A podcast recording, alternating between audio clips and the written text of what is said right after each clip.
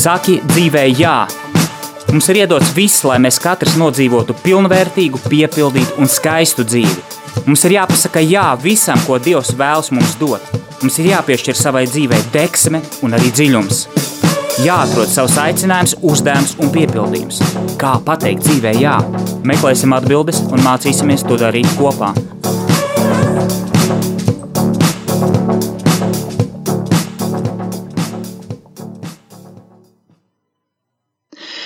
Sveicināti, darbie radioklausītāji! Kristus ir augšām cēlies un sveicu jūs šajā brīnišķīgajā Lieldienu oktāvas nedēļā. Atzīšos, esmu noilgojies pēc radio, pēc jums, jo bija neliela pauzīte. Uh, iepriekšējais tiešsaites raidījums mums bija pirms dažām nedēļām. Uh, līdz ar to uh, arī es pirms lieldienām paņēmu mazu pauzīti, un, kā es sapratu, bija radio raidījuma atkārtojumi.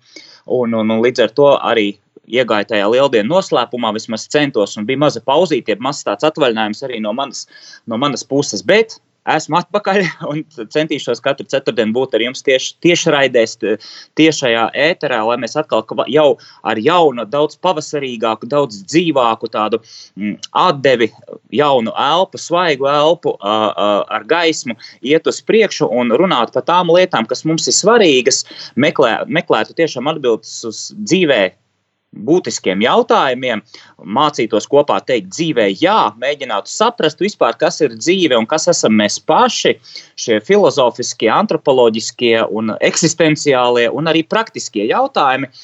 Um, turpināsim viņus meklēt un, un, un iesim, iesim tiešām dziļumā un turpināsim teikt dzīvē, jā. Uh, ja jums šodienas tēma mums, ko es jums gribētu piedāvāt, arī tāds impulss, eh, par ko aizdomāties. Es gribētu ar jums šodien runāt par ētiku, par ētikas jautājumu. Eh, ikdienā mēs par ētiku šo vārdu, šo terminu izmantojam salīdzinoši maz. Salīdzinoši maz. Mēs runājam par dažādām vērtību sistēmām, bet šajā nedēļā man sanāca, ka es tieši šo jautājumu, kas attiecas uz ētiku un arī uz bioētiku, nedaudz pētīju, nedaudz lasīju, nedaudz izzināju. Tas bija saistīts arī ar manām studijām. Uh, līdz ar to vēlējos ar jums šodien padalīties par tādiem ētiskiem principiem, jeb ētisku ideālu meklējumiem, un varbūt tās pat atgādināt gan sev, gan jums, gan mums visiem kopā atgādināt, kas tad vispār ir ētika un uz kā balstās ētika, un vai par to ir svarīgi šodien, mūsu laikmetā, šodien vispār runāt. Ja, jo mēs zinām, ka mūsu sabiedrība nu, ir informācijas ziņā ļoti sadrumstalota, ļoti sašķelta, ļoti piesātināta, ļoti daudzveidīga. Bet tā mana tendence, ko es, uz ko es lieku uzsvaru, ir tomēr meklēt atbildes uz šiem jautājumiem, uh, kas ir cilvēks un kas ir tās, tās tā cilvēka identitāte, kas ir tie, tās pamatlietas, kas mūs veido, lai mēs nezaudētu šajā piesātinātajā laikmetā orientierus, nezaudētu orientierus uh, izpratnē par sevi pašu un par dzīvi. Un Tāpēc arī šis raidījums, kad uh, mēs mācāmies caur to visu pateikt dzīvē, jā, un saprast dzīvi. Tātad ētika. Kas vispār tāda ir par ētiku? Protams, ir ļoti svarīgi mūsdienās runāt, jo uh, mēs redzam sabiedrībā šos procesus, kas uh, kad cilvēks ir apjucis vērtību orientieros, uh, identitātes orientieros, uh, morāles jautājumos. Katram ir parādījusies sava patiesība, sava taisnība, savas pārliecības. Sabiedrība bieži vien ir polarizēta, proti, šie dažādie viedokļi veicina strīdus, kas kādam varbūt tās ir izdevīgi. Tad ētika ir tas virziens, tas ir filozofijas virziens, kas mums varbūt tās atkal ļautu paskatīties uz cilvēka tādu veselumu, uz tām pamatklasiskajām vērtībām. Nu, pats vārds ētika nāk no sengrieķu valodas cilmes ētikos, jeb paradums. Paradums tas, kas cilvēkā ir ierasts, proti tā ētika līdz ar to ir tāda praktiska filozofijas, praktisks filozofijas virziens, kas runā par tādiem labiem ieradumiem, morāliem ieradumiem, līdzīgi kā likumiskā līderība, jeb rakstura līderība. Runā, runā par raksturu audzināšanu un tiem ieradumiem. Tas ir saistīts. Ja? Uh, ieradumi tā ir ierasta rīcība. Uh, bet ētika jāņem vērā ir saistīta arī ar morāli. Ja, un tie ir, teiksim, morāli varētu būt sinonīms, jo nāk no latīņu cilmes vārda morālis, arī paradums. Ja. Uh, ētikas viens no tādiem pamatlicējiem ir, mēs zinām, Aristoteles, kuram ir vesela grāmata, pat vairākie darbi, ja, Nikomahē ētika, kur viņš runā par dzīves šiem dažādiem arī aspektiem, līdzīgi kā mēs šajā raidījumā runājam par dažādiem dzīves aspektiem un kā mēs kā cilvēki varam kļūt labāk. Un arī Aristoteles uzdod šo jautājumu, kā cilvēks var kļūt labāks.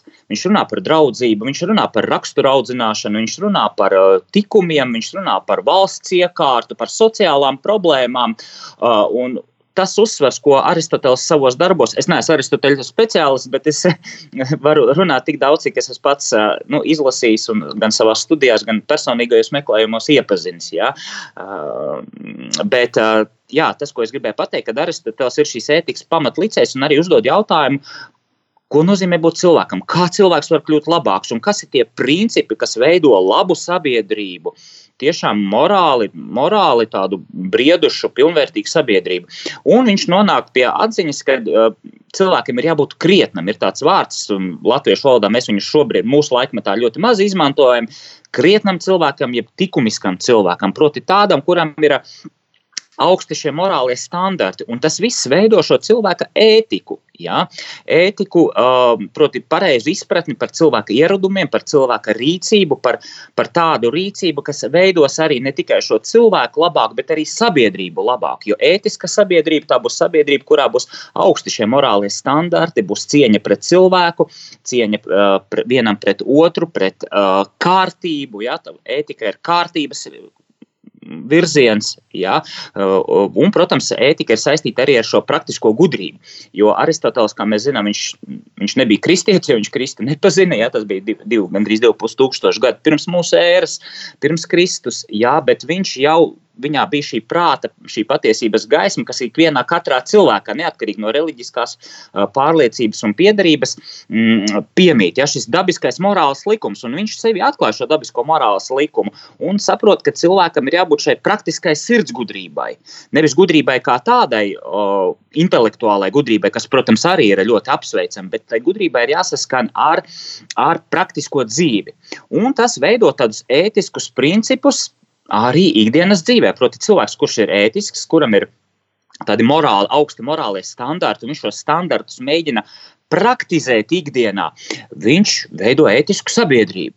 Ja, tā, tādu sabiedrību, kas ir savā ģimenē, savā vidē, kur viņš strādā, veido labāku. Un tas ir arī aicinājums mūsdienās uh, pieturēties pie tām. Es arī aicinu jūs, darbie radioklausītāji, nebūt vienaldzīgiem dzīves vērotājiem. Un bieži vien ir cilvēki, kas vēro, es skatos tādas tendences arī sociālos tīklos, es daudz. Nu, Pavadu laiku, diemžēl, ja, lasot, salīdzinot, meklējot arī materiālus, Redzu, ka cilvēki polarizējas, ja, proti, sašķeļās, viņiem ir kaut kāds viedoklis, šķietami augsti vērtīgs viedoklis, bet viņš uh, tikai paliek pie šī viedokļa. Tad es aicinu jūs nebūt vienaldzīgiem vērotājiem, bet tikai viedokļu izteicējiem, kuri pasaka, vai nu viss ir slikti, vai nu rekur tur ir kaut kāda krāpniecība, vai kaut kādas nejaukas lietas, bet būt aktīviem savā dzīvē, uzņemties atbildību un iniciatīvu. Un, ja kaut kas mūs neapmierina, tad ar savu piemēru, ar savu attieksmi, ar savu darbu veidot šo sabiedrību labāk labāku. Būsim paši piemēri. Ja? Un tā jau ir mana mīļā likumiskā līderība, ja? kas, kas, kas parāda to, ka cilvēks, um, cilvēks kļūst kā līderis, viņš spēja uzņemties iniciatīvu un ar saviem augstajiem vērtību principiem veidot sabiedrību labāku. Uh, tas ir mans aicinājums jums, tāds, tāds pirmais, pirmais impulss. Bet, lai runātu par ētiku, ir jāsaprot arī tāda lieta, ir jāveido sapratne par cilvēku antropoloģiskā skatījumā.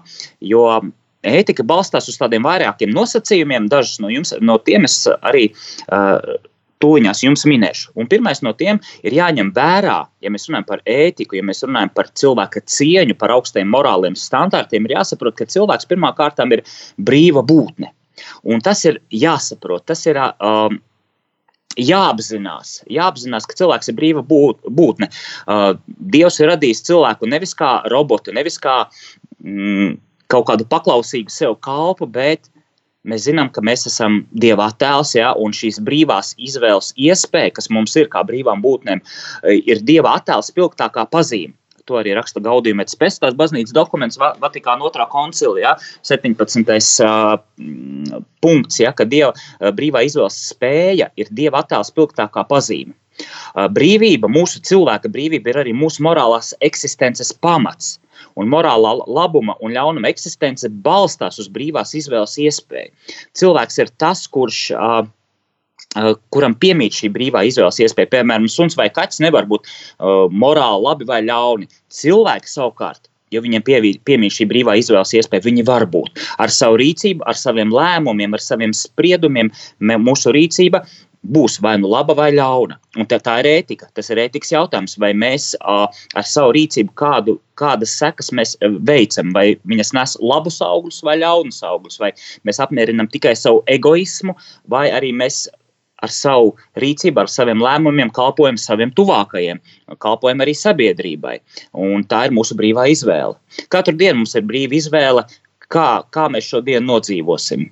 Vai mēs nodzīvosim tikai savās interesēs, apmierinot tās, varbūt tad dzīvojot bailēs, ka tikai man ir miers, ka tikai man ir labi, vai es iešu ārpus saviem rāmjiem, iešu ārpus savas komforta zonas un ar savu brīvo izvēli gan sevi veidošu labāku, gan arī to vidi, kurā es strādāju, dzīvoju un darbojos. Tad, tad cilvēks pirmām kārtām tā ētiski, antropoloģiski skatoties, ja pēc izcelsmes, pēc būtības, mm, mēs skatoties, mēs saprotam, ka cilvēks ir brīva būtne. Un tā ir viena no spilgtākajām dieva attēla pazīmēm mūsos. Uh, otrais, uh, otrais, runājot par ētiku, otrais tāds punkts, ko es jums gribu minēt, ka cilvēks ir saprātīga būt, būtne, racionāla būtne. Pateicos, pateicoties savām dvēseles spējām, prātam un gribai, cilvēks var pārvaldīt visas lietas. Viņš stāv nesalīdzinājumi augstāk par jebkuru visattīstītāko dzīvnieku. Un ko tas nozīmē, ka cilvēks ir nu, racionāli saprātīga būtne? Pirmkārt, cilvēks ir spējīgs sevi izprast. Mēs izprotam sevi, mēs izzinām sevi. Un tas vienmēr ir ļoti aizraujoši. Vienmēr man strādājot ar jauniešiem, Parasti, ir, ja ir kaut kādi testi vai uzdevumi, vai nu, tieši praktiskie uzdevumi, kaut kādi workshopi, kur ir jāz, jāuz, jāizzina sev, teiksim, likumiskajā līderībā, mēs pildām temperamenta testu, ja, kāds, kādas mūsu šīs dabiskās iedzimtās noslēdzas. Un vienmēr tas ļoti interesanti, ļoti aizraujoši, vienmēr uzzināt kaut ko par sevi jaunu. Mēs esam arī citreiz priekš sevis liels noslēpums.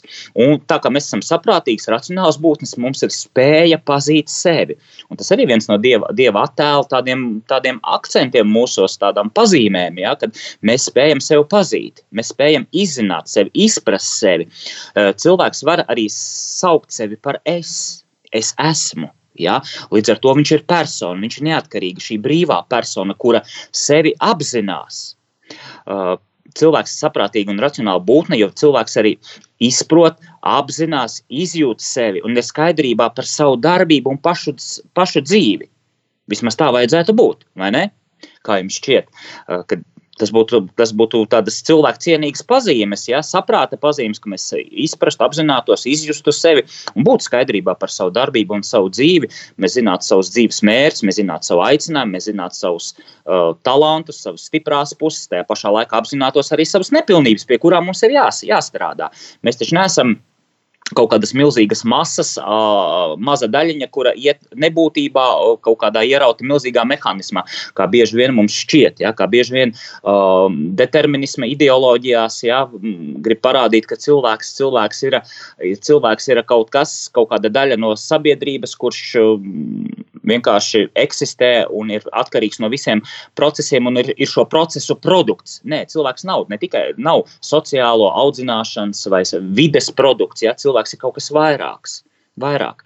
Un līdz ar to šis saprāts, šī racionalitāte, šī spēja apzināties sevi, mūs paceļ augstāk, pat, kā jau pirmie minēja, par visattīstītāko dzīvnieku.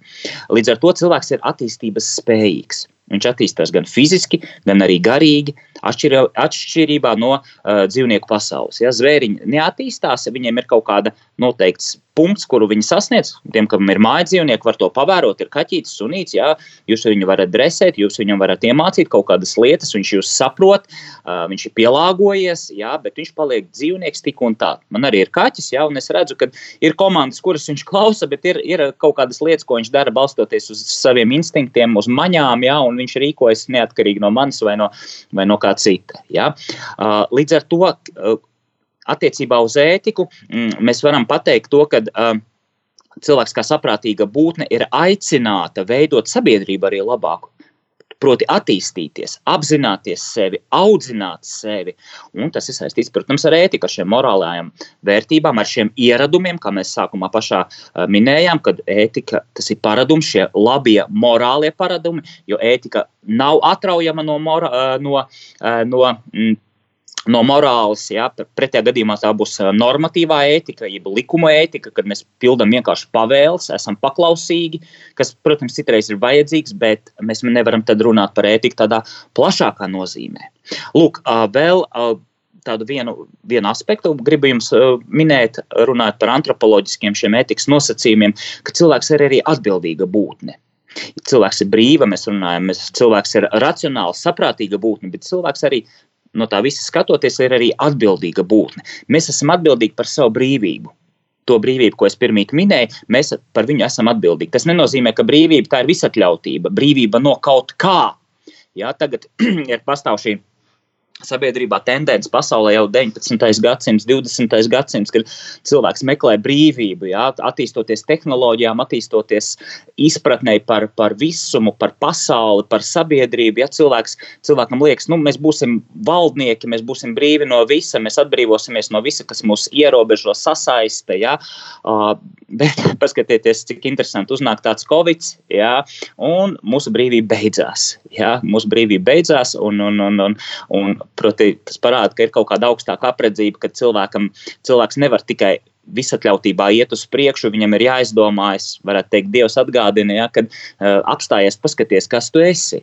Jā, mēs tikko izdzīvojam gavēņa laiku, kad mēs tiešām domājam par eksistenci eksistenciāliem jautājumiem, kas es esmu, kurienes eju, kāda ir mana atbildība. Jā, tad uh, mēs esam atbildīgi arī par savu brīvību, par saviem lēmumiem un arī par savu rīcību. Un tieši šo cilvēku morālisko rīcību nosaka mūsu prāts un mūsu griba, kas veido atbildību. Ja?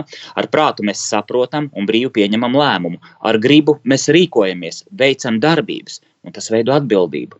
Un ir vēl tāds princips, ka viss, kas tev ir, ir tavu pieņemto lēmumu rezultāts. Viss, kas tev nav vai pietrūkst, arī ir tavu pieņemto lēmumu rezultāts. Neviens nav vainīgs, kad uh, tava dzīve ir tāda, kāda viņa ir. Ja? Mēs nevaram vainot valsti, vecākus, kādus citus cilvēkus, skolotājus, draugus, priekšniekus, darba devējus. Ja? Mums jāmāk paskatīties uz savu dzīvi. Mēs esam atbildīgi par savu dzīvi. Tie cilvēki, kas mums ir blakus, mūsu draugi, vecāki, skolotāji,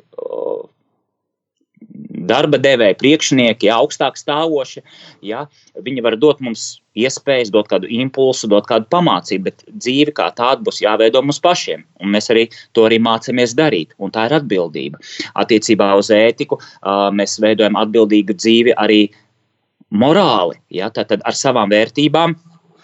Ar savām vērtībām, ar savām šīm ētiskajām normām, ar savu sapratni mēs, mēs tā ir mūsu identitāte, un, un tos, tas, kas veido mūsu identitāti, jā, tas arī atspoguļojas ārpasaulē. Lūk, Tātad šādi principi. Jā, vēl mēs varētu runāt par to, ka mūsu rīcība ir daļa no cilvēka tas, tas, kā mēs rīkojamies, tā ir mūsu, mūsu izpausme. Ja? Cilvēku personu vērtē bieži vien pēc tā rīcības. Mēs citreiz sakām, ja? kāda ir tavas, tā, tavi darba augļi, ja? kas ir tas, ko tu praktiski vari parādīt. Jo ir cilvēki, kas dēļ runā, varbūt tā kā es šodien, ja? bet kāda ir tā pra praktiskā dzīve, vai tava dzīves kvalitāte atbilst tam, ko tu runā. Un tas ir ētikas jautājums. Ja? Mēs varam spriest, mēs bieži vien redzam, ka cilvēks maina savu pārmetu ādu, kā mēs citreiz sakām. Viņš runā uh, politkorekti, kādam izdevīgi, jā, bet viņa ikdienas dzīve, viņas dzīve, viņa dzīves kvalitāte neatbilst bieži vien tam, ko viņš runā. Varbūt no, no, no tribīnes, nezinu, valdībā vai, vai kaut vai baznīcā vai, vai no kādas citas vietas vai no. Um, lasot lekcijas, jā, tad ļoti svarīgi runāt par ētiku, ka tas, ko mēs runājam, tas, ko mēs izpaužam, tas atspoguļotos mūsu ikdienas dzīvēs un mūsu rīcībā, mūsu darbos. Jo mūsu, mūsu identitāti veido tas, kas mēs esam, gan iekšēji, gan ārēji. Mūsu rīcība parāda mūsu ētiskās, morālās vērtības un principus. Ja es tagad pēc radio daļu runāju, pēc tam aizēju uzsmēķēju, iedzeru aliņu, esmu rupšs, neiecietīgs, tad kaut kas nav kārtībā ar mani Tā nedrīkst būt. Ja es runāju par morāli un augstām vērtībām, par ētiskām vērtībām, tad manai dzīvei arī jāatbilst šīm vērtībām. Un tas būtu pareizi, tas būtu, atbilst, būtu atbilstoši šiem ētiskajiem principiem, morālai. Ja? Līdz ar to caur izvēlēm un pašās izvēlēs mēs nosakām savu identitāti, kas mēs, kas mēs esam.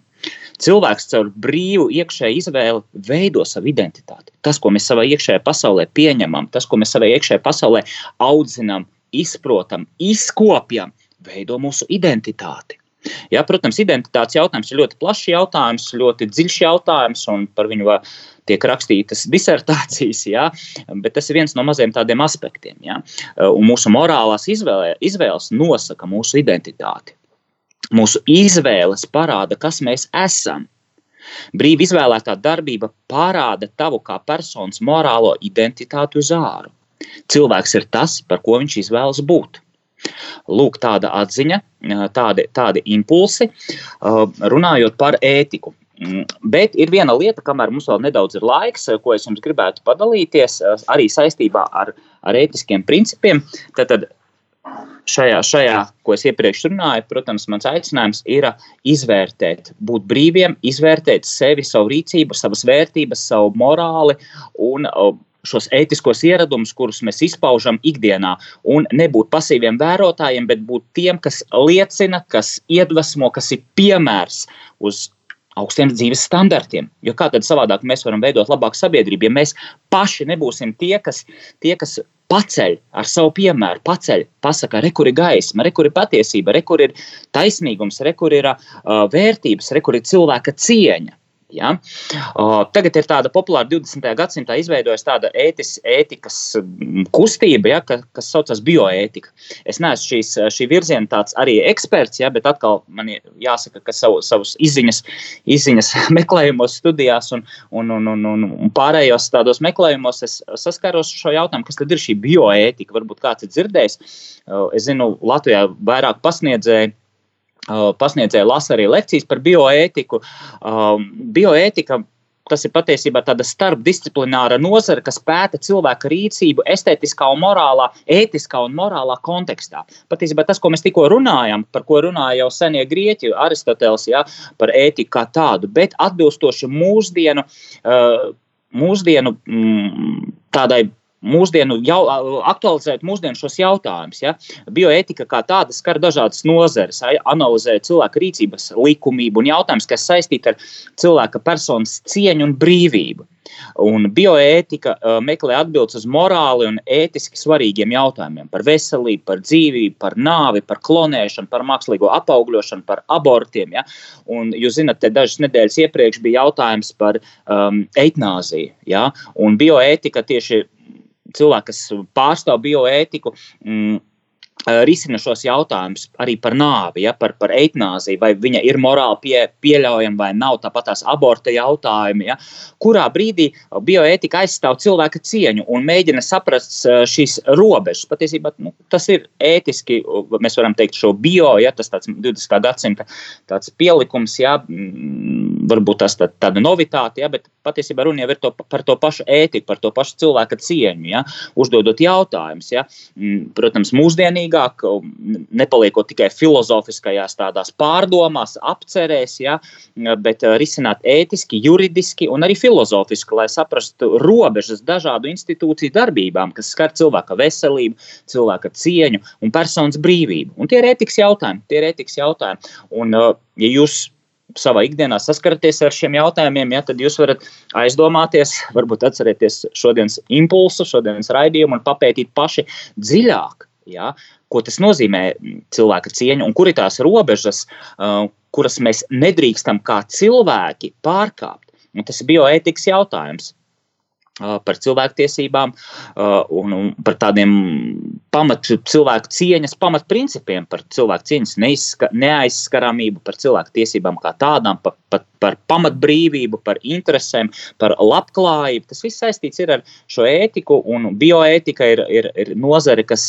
šos jautājumus tieši pēta un kas cenšas aizstāvēt, izgaismot. Un, jo mūsdienās jūs zināt, ja, ka nozars, kā jūs minējāt, kas ir strauji attīstījušās, medicīnas nozare, jā, zinātnes nozare, jā, visi klonēšanas jautājumi un uh, embriju jautājumi jau iepriekšējā gadsimtā, 60. un 70. gadi, o, es kaut kad minēju, Žeroms Ležēns, ģenētikas tēvs, kā viņu sauc, cilvēks zinātnieks, kurš atklāja Dauna sindromu bērniem, ja, kā rodas šis Dauna sindroms. Viņš jau iestājās par, šiem, par šo cilvēka cieņas jautājumu, ja, kad cilvēks uh, ir jau pilnvērtīga persona no ieņemšanas brīža. Ja, bija zinātnes eh, lielākā daļa tajā brīdī likās, ka nostājas pret viņu, un tā arī tas bija. Nostājās pret viņu, viņu izputināja, viņam atņēma, eh, nu, nepiešķīra Nobel prēmiju, lai gan viņš bija laureāts. Ja, viņam atņēma pat kabinetu, un, un tas bija ļoti tra traģisks un tajā pašā laikā ļoti skaists stāsts. Un mēs zinām, ka Žeroms Ležēns ir um, pasludināts par svētīgo. Ja, viņš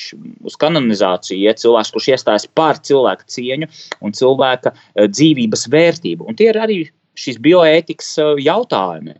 Attīstoties tehnoloģijām, attīstoties uh, zinātnē, attīstoties medicīnai, uh, bioētika uzdod jautājumus, ja? vai juridiski un arī morāli netiek pārkāpta cilvēka cieņa, uz kā balstās cilvēka tiesības, ko tas iekļauj?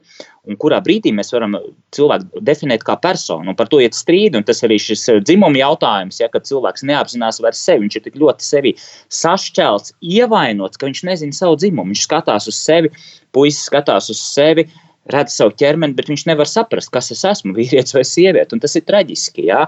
Un, un, un, un, un, un, un tāpat tās arī šīs manipulācijas ar dzīvību, kaut vai aborts, ja? kad liekas, ka š, tas ir kaut kas šķērslis, ka es tagad um, jaunieši, ja? es, es, es par šiem jautājumiem ar jauniešiem mazliet esmu runājis, bet es, es briestu varbūt tās kādreiz vairāk par to runāt, jo tie ir ļoti jūtīgi jautājumi.